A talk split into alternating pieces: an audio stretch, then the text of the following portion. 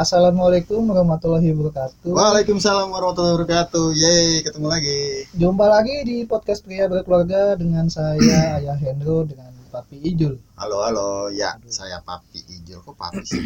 Papa, Gue di, apa gue dipanggilnya uh, Papap. Kita ini episode yang keberapa dulu ya? Ke 12. 12 ya sekarang. 12, wah sangat panjang sekali. Ya, ya, lumayan lah ya. Uh, Dua tahun lu 12. Uh, untuk sampai ke episode ini kita sudah memaksakan diri. Kalau nggak dipaksain kita nggak bisa-bisa nih, nggak jadi-jadi podcast ini.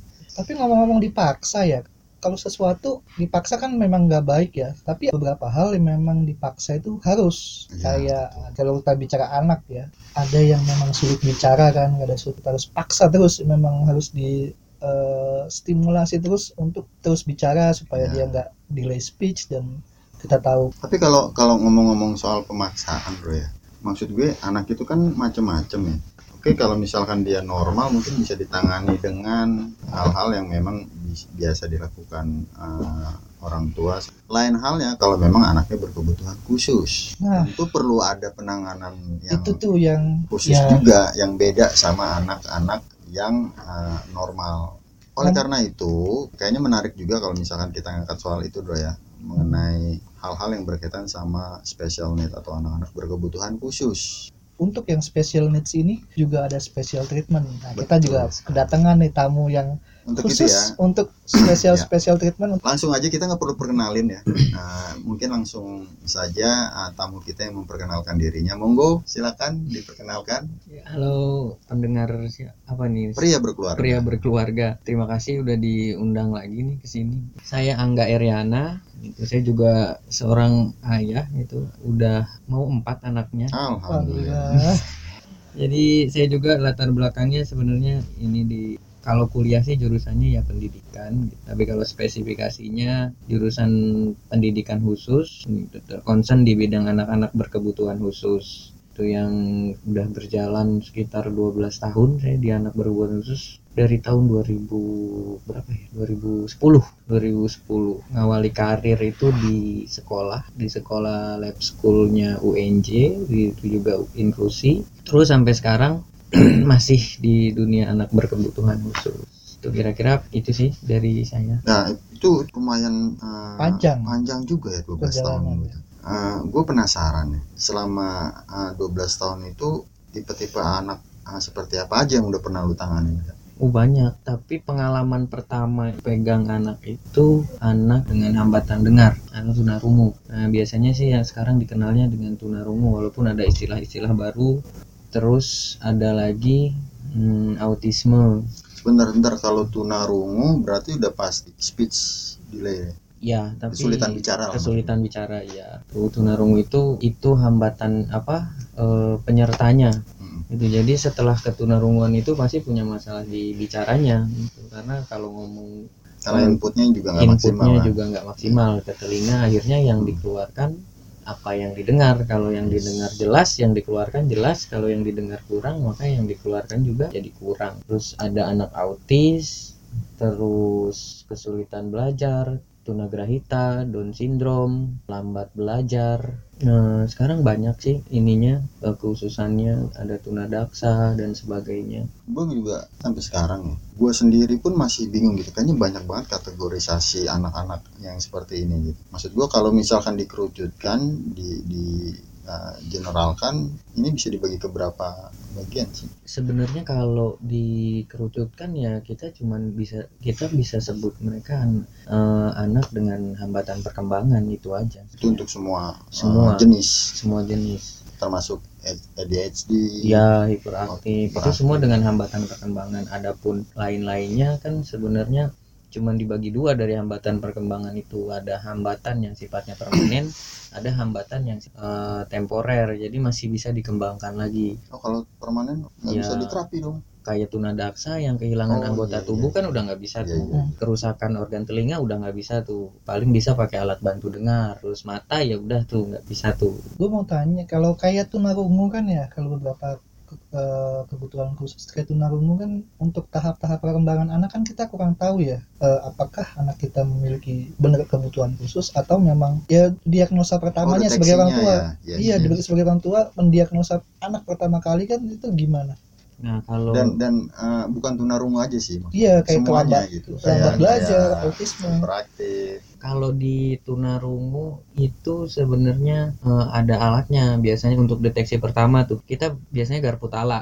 Itu sebenarnya ge- deteksi kedua lah lanjutan. Tapi kalau buat orang tua yang nggak yang nggak ngerti apa apa nih nggak ngerti garpu tala nggak ngerti. Ini, dia biasanya harus aware ketika anaknya ada suara si anak nggak menoleh tuh nggak nggak mencari sumber suara itu juga terjadi di hambatan-hambatan anak yang lainnya gitu artinya permanen atau enggaknya nanti dilanjutkan oleh dokter. Kalau dia dia dokter biasanya nanti punya alat tes bahwa anak ini sebenarnya yang rusak organnya, yang bermasalah ini organ telinganya atau memang sensorinya. Nah itu tuh. Jadi ada memang kerusakan permanen dan per- enggak permanen itu ya. Kalau enggak permanen itu sensori itu sifatnya masih bisa dikembangin. Kalau sensori itu nanti keseimbangan, ke bicara ya bener tuh, ke penciuman tuh kalau udah sensori itu. Tapi kalau udah cuman organ telinga ya organ telinga aja. Gitu. Kalaupun ada ini tuh efek sampingnya gitu. Kalau kebicaranya nggak jelas dan sebagainya itu efek samping. tunarungu terus kalau yang lainnya Kalau sebenarnya kons- konsep dasarnya adalah di tumbuh kembang anak itu fase-fase perkembangan anak dari 0 sampai 5 tahun. Itu fase-fase itu sebenarnya. Itu kita bisa lihat kalau anak ini misalnya jalannya terlambat terus kan ada fase anak itu eh, tengkurap ngangkat kepala terus Merangkak. merangkak duduk merayap di tembok baru dia berjalan. Nah fase-fase itu punya pun itu juga jadi stimulus buat perkembangan-perkembangan yang lainnya. Jadi kalau fase dasar ini nggak dilewati, fase-fase berikutnya bagaimana nih si anak? Oh, terhambat juga ya Terhambat juga, melambat juga. berarti eh, untuk tahap pertama ya Hmm. awal-awal ya motorik itu motorik kasar berarti ya Motorik itu kasar. sangat penting dong Itu penting semua tuh, motorik kasar. karena menstimulus eh, perkembangan yang lain Semua termasuk otak. oh termasuk otak juga ya?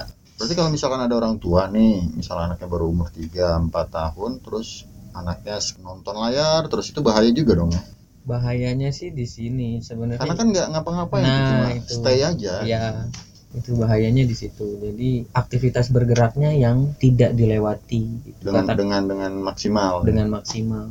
Jadi kalau anak di usia segitu harusnya aktivitas bergeraknya 10 jam karena banyak diemnya. Nah, ya. nah ini, ini menarik sih Dro sebenarnya Dro ya. Maksud gue gini loh, sekarang itu kan eh, zamannya gadget ya, Hmm. dan gue pikir sih untuk kebutuhan, nah, bukan kebutuhannya, tapi eh, kegiatan menatap layar malah semakin banyak ya. Nah Eh, itu menurut tuh gimana gak perkembangan saat ini? Apakah lebih banyak anak-anak yang justru terhambat karena memang banyak gadget yang bertebaran ya? itu pasti punya punya masalah semua gitu. Jadi semua fase yang harus dilewati di golden age itu saat ter- ada hambatan ya itu tadi. Kalau dulu mungkin hambatannya eh, apa sensorinya dan sebagainya gitu. Kalau sekarang enggak gitu. hambatannya malah gadget karena dia diem. Dengan diam itu semua aktivitas motoriknya nggak ber nggak terstimulus terus taktilnya nggak terstimulus. Taktil apa? taktil tuh indera indera Oh, peraba perasa lebih banyak dia. Ya akhirnya pasti nanti bermasalah contohnya gini aja di fase berjalan itu ada hubungannya sama sensor pendengaran nah, Kayak gimana tuh? Gimana? contohnya gimana tuh Kak? indera eh indera apa sensor pendengaran itu ada sensor keseimbangan itu adanya di telinga dekat telinga dan sensor keseimbangan ini yang ngasih instruksi sama di rumah siput itu ada selaput tuh. Eh ada selaput ada bulu-bulu halus tuh. Yang kalau kita ke kiri dia tetap lurus tuh. Kalau kita ke kanan dia juga lurus tuh. Nah jadi si bulu-bulu halus ini yang bergerak ke sini sini nah itu yang mengatur keseimbangan. Keseimbangan. Heeh. tapi yang mengatur dia bergerak ke lurus tetap lurus walaupun tubuh kita miring itu sensor keseimbangan yang ada di belakang telinga yang ada di belakang telinga. Saat sensor keseimbangan ini nggak terlatih, si ini Nggak terstimulus. nggak terstimulus nih, miring aja. Jadi pas kita miring dia miring. Nah, sementara si bulu-bulu halus ini perlu perlu diinstruksi oleh sensor keseimbangan pergerakannya agar tetap stabil untuk menerima input suara. Oh, berarti tunarungu pun bisa bermasalah sama itu. soal keseimbangan Ya, Oh, coba cek tunarungu yang sudah dewasa sekalipun minta dia lari, pasti bermasalah. pasti jatuh. Nggak stabil. nggak stabil. Pas lari. Kalau jalan dia biasa tuh bisa. Karena sifatnya masih bi- diem tuh. Tuh, jadi nggak ada instruksi kenapa kita kalau miring pala kita tetap gini tuh kalau geol-geol nah karena ada instruksi yang kita nggak pernah sadar kalau kita belajar. Oh ya ada sat- ada satu lagi tuh cara ngecek sejak dini malah sampai pas bayi dikeluarin tuh kita udah bisa ngecek tuh sensornya bermasalah apa enggak ada sekitar 12 gerakan primitif bayi. Ya, tapi yang paling mudah dideteksi tuh kita eh, gesek-gesek halus di telapak Kakinya, kaki ah. responnya harusnya mengkerut oh harusnya ini kuncup ya ya kuncup harusnya kuncup kan Heeh. Nah, kalau kita sentuh telapak tangannya harusnya genggam tuh. Berarti bekerja tuh sensor primitif, artinya sensor bekal dasar dari Tuhan tuh. Nantinya dia perkembangan berjalannya tuh yang agak lambat, kalau misalkan di stimulus dianya nggak nguncup tapi Mm-mm. uh, menghindar menghindar. Kalau tangan kalau dia nggak begini genggam. nggak menggenggam. Nah, kalau dia nggak dia nggak menggam nanti motorik halusnya tuh. Kenapa anak nggak mau pegang pensil? Biasanya tuh kalau fase-fase TK gitu. karena pas dia pegang pensil dia rasanya sakit banget atau geli banget. Kesentuh sedikit kalau nggak geli banget sakit banget. Geli itu apalagi kena yang begini yang berbulu-bulu. Maksud gue itu bisa diterapi kan itu bisa diterapi. Dan kenapa anak hiperaktif tuh lari mulu tuh senangnya. Karena bisa jadi dia merasa kegelian pas kakinya. Jadi itu dia bahasa-bahasa anak yang nggak Nah, yang orang tuanya sendiri juga belum tentu paham. Nah, gitu. itu, tuh. itu menarik. Kita bakal mungkin uh, lebih ke orang tuanya ya. Karena banyak orang tua yang nggak tahu tuh hal, Nah, seperti betul, itu. Contoh lah yang paling sederhana screen time gitu. Pada anak yang seharusnya nggak diperbolehkan untuk menatap layar lebih lama terlalu lama. Hmm, kan motoriknya perlu yang tadi kan perlu distimulus juga hiperaktif sangkanya Nah, nih maksud gue bocah gini, bandel yes, banget yes. Nah. Jadi maksud gue gini loh jangan disalahkan orang tuanya juga mungkin saja orang tuanya kurang pengetahuan informasi Ya. untuk itu kan hmm. nah kalau menurut pengalaman lu sendiri gimana gak Nah, ada orang tua orang tua yang Ada bro. Gue baru-baru ini buka grup, bikin grup eh, orang tua se Indonesia untuk sesi konsultasi sharing. Gitu. Cuman nyebar grup, eh, nyebar link grup WA di grup-grup peduli ABK, di grup-grup ABK di Facebook. Nanti banyak yang masuk tuh. Salah satunya ada orang tua tuh kons eh, konseling. eh, anak saya punya bahasa planet pak. bahasa planet Heeh, autisme. Dia kan suka main meracau. Punya bahasa planet pak. Anak saya suka marah-marah nggak jelas pak. Tantrum bahasanya kalau di dunia khusus. Anak saya nggak mau diem pak, lari-lari pak. Anak saya senang jedot-jedotin kepala ke tembok. Nah itu sebenarnya faktor sensori semua itu. Hmm. Kenapa dia tantrum marah? Sebenarnya bukan marah. Itu bentuk komunikasi. Dia sebenarnya ngerasa nggak nyaman. Masalah di sensor pendengaran itu saat sensor sensor keseimbangan itu tidak baik, tidak tidak terstimulus dengan baik waktu fase-fase perkembangannya. Karena fase perkembangan ini akan hilang. Dia punya masanya sendiri-sendiri. Makanya kalau sudah masuk terapi itu kita memang eh, secara nggak langsung memaksakan stimulus itu, iya memaksakan lu mau nggak mau tuh. Cuman yang yang memang seharusnya itu didapatkan sesuai otomatis. otomatis Otomatis. cuma karena terhambat ya dipaksakan Memaksakan, padahal bukan fasenya. Dia juga udah nggak mau tuh. Ah, anak yang tantrum tuh, dia punya masalah keseimbangan aja itu eh, cerita sama orang tua. Bu, anak ibu tantrum, marah itu nggak nyaman. Bentuk komunikasinya yang dibisai sekarang hanyalah mengeluarkan tindakan yang tidak eh, terprediksi atau ibu nggak ngerti nih sebenarnya kenapa. Padahal sebenarnya anak yang punya masalah keseimbangan itu dia pasti sensor apa pendengarannya pun bermasalah. Bermasalahnya apa? Dia nggak punya batas ambang dengar. Terus dia nggak bisa menyaring fokus suara.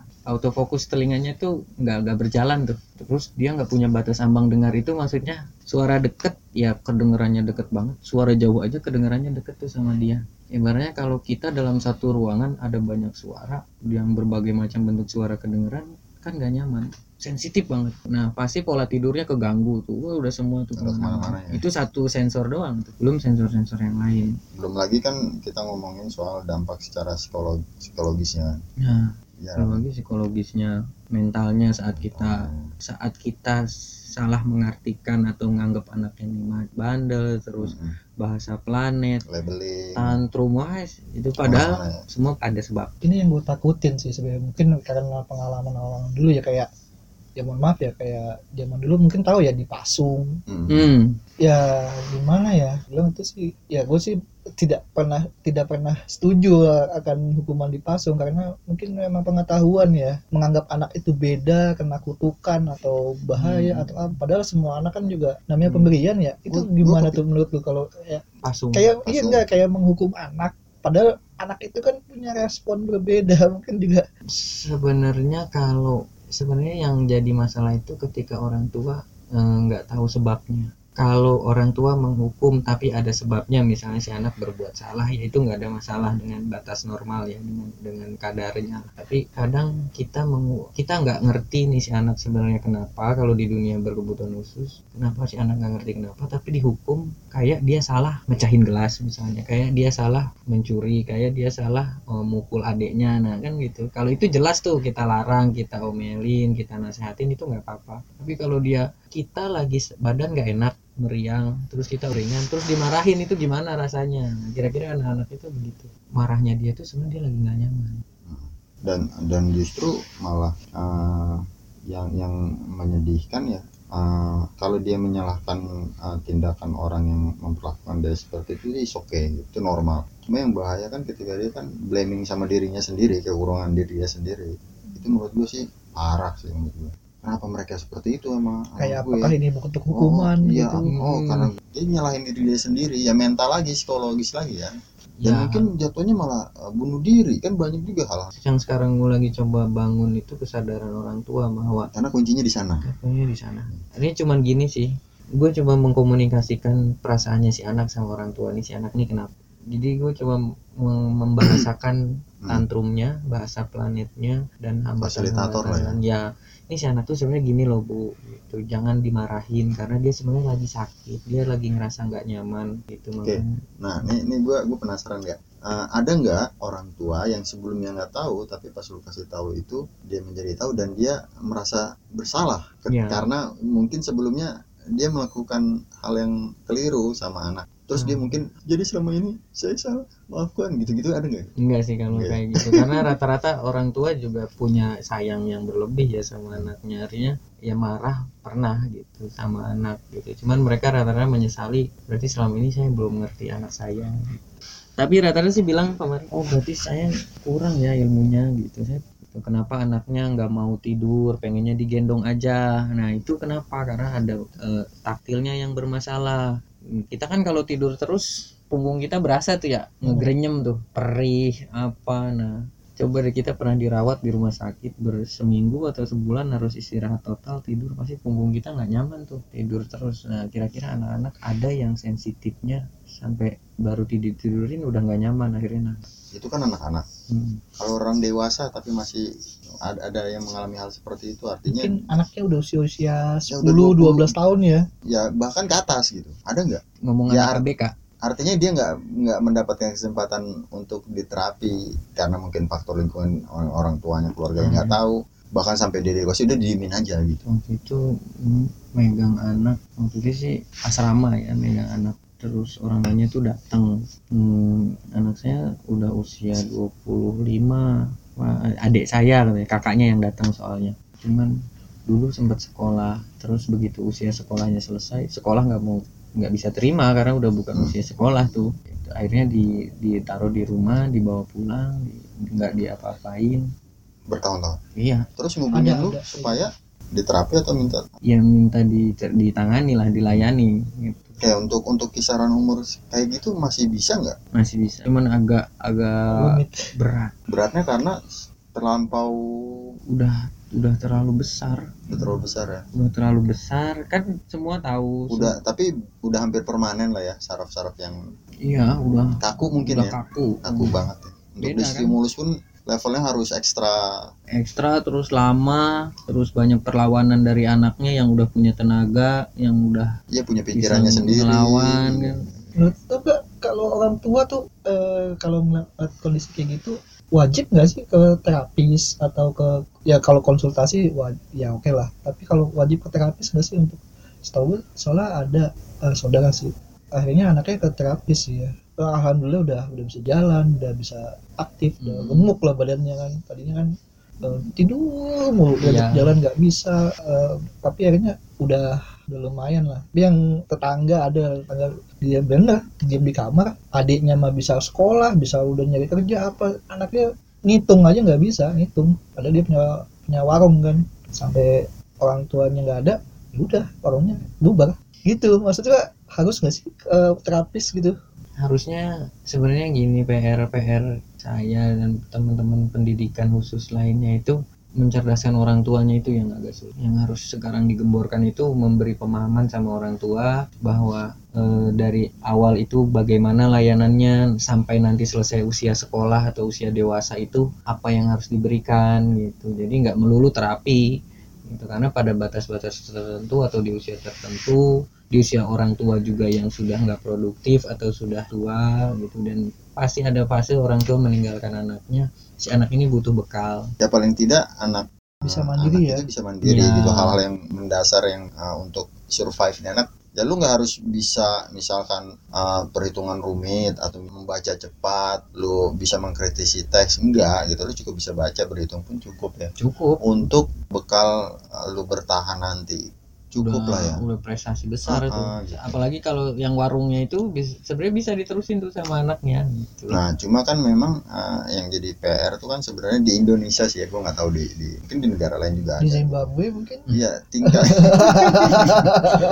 ini ayat bener tadi apa uh, edukasi orang tua gitu. Karena kan kalau misalnya orang tuanya nggak tahu situasi seperti ini kan yang ada kan pasrah gitu kan Iya. Kalau mending Pasrah. Jul. Di daerah-daerah tuh masih banyak tuh kayak kena bala lah, padahal kan udah sa- kena mistis padahal kan lah. masih bisa ditangani gitu kan Mm-mm. bukan gifted wah udah udah nggak bisa diapa-apain udah gue gue termasuk orang tua bukannya gue logika banget kalau logika saintis kayak ini anak kalau lewat kuburan nanti nangis atau ini karena bala atau mus mistis karena lahirnya di pohon apa gitu kan. Gue sangat yakin kalau anak yang keluar itu udah suci. Banyak yang kesurupan itu kan karena otaknya kosong dewasa. Mm-mm. bukan anak-anak. Iya kan? Anak mana ada? Mana ada? Karena emang terakhir udah suci tinggal kita treatmentnya aja. Makanya hukuman ketika anak itu dijudge hal-hal mistis gue ya, ya udah nggak nggak mau dengerin maksudnya udah lah harusnya konsultasi banyak udah. kasus itu banyak. Banyak kan ya kasus Bahkan- mistis malah lebih ke bahkan mistis. ini anak secara medisnya ya memang cerebral palsy itu itu kan Iya. medis ya udah jelas. Tapi masih dianggap eh, ini. Ketindihan lah ketumpahan ah, lah. Mistis ya. jin lah gitu. Padahal cerebral palsy gitu. Lu luka bakar ya udah itu luka bakar. Bukan artinya tiba lu kena bala terus ada jin yang ngedeketin api ke, ka- ke kaki lu kan Iya. nggak gitu gue pernah lihat di Twitter tuh ya jadi ada orang tua ya eh, mungkin karena membacanya kurang ya akhirnya ditaruh di literasi lagi. Dia ditaruh di pesantren. Mm-mm. taruh di pesantren gue Ya, biasalah baca Quran kan. ya. anak ditaruh di pesantren karena? Karena eh, mungkin nggak mau belajar kali ya. Oh, dia ditaruh di pesantren terus biasalah baca Quran baca Quran juga. Karena dia baca Latin juga terbaca-baca baca Quran juga terbaca-baca ustadznya juga eh, karena nganggapnya ada jin kan ditanganinya. tangannya dengan cara kekerasan. Yes. oh ada bro Terus itu akhirnya ada lagi. apa? Itu banyak sih kayak gitu sih. Gue pernah denger juga sih. Masuk rumah sakit jiwa orang tuanya nggak mau nuntut tanggung jawab ustadznya juga bingung mau ngomong apa.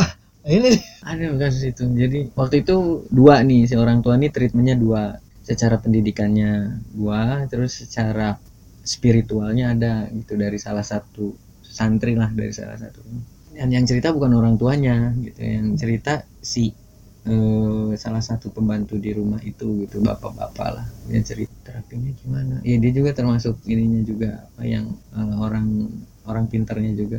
Terapinya dilelep-lelepin di air bro. Dilelepin terus diangkat dilelepin ya nah, kata saya gitu. Ngapain begitu pak? Ya itu pengobatan kita gitu. Ya cuman ya hati-hatilah pak. Gitu.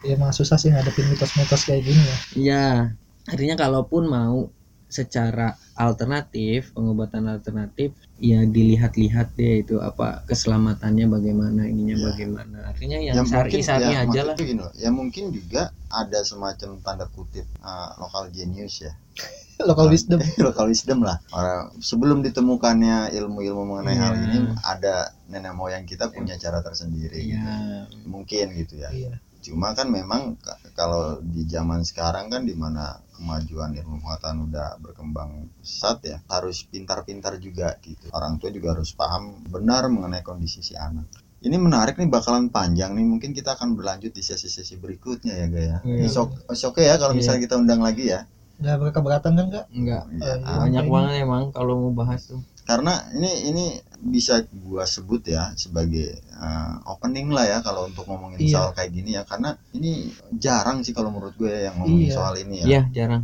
jarang makanya uh, kayaknya sih perlu kita ga- gaungkan kembali mengenai sisi pendidikan untuk anak berkebutuhan khusus ya jangan melulu uh, ngomongin soal pendidikan formal gitu. kayaknya itu dulu ya kayaknya ini sesinya akan Iya betul. Ya wes closing ada kesimpulan Pak Hendro silakan seperti disimpulkan Pak Hendro. Jangan lu suruh pendengar menyimpulkan sendiri. ada bukunya ada bukunya di toko-toko buku terdekat kalau anda Iya, mau Males nyimpulin. ada bukunya kalau kalian malas baca dan pengen ke mall atau ke toko-toko buku Ya wes gini aja dah menyimpulkan eh, Pak Angga mungkin ada pesan-pesan eh, yang Buat mau eh, closing. closingnya sebenarnya saya harap podcast ini bisa menyebar ke semua orang tua ngebantu kami para pendidik khusus Amin.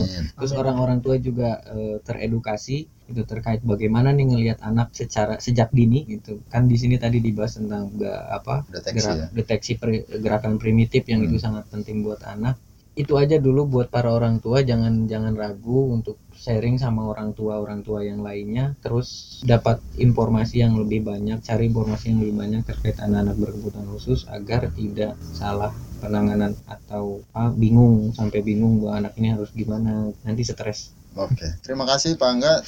Assalamualaikum warahmatullahi wabarakatuh. Bye.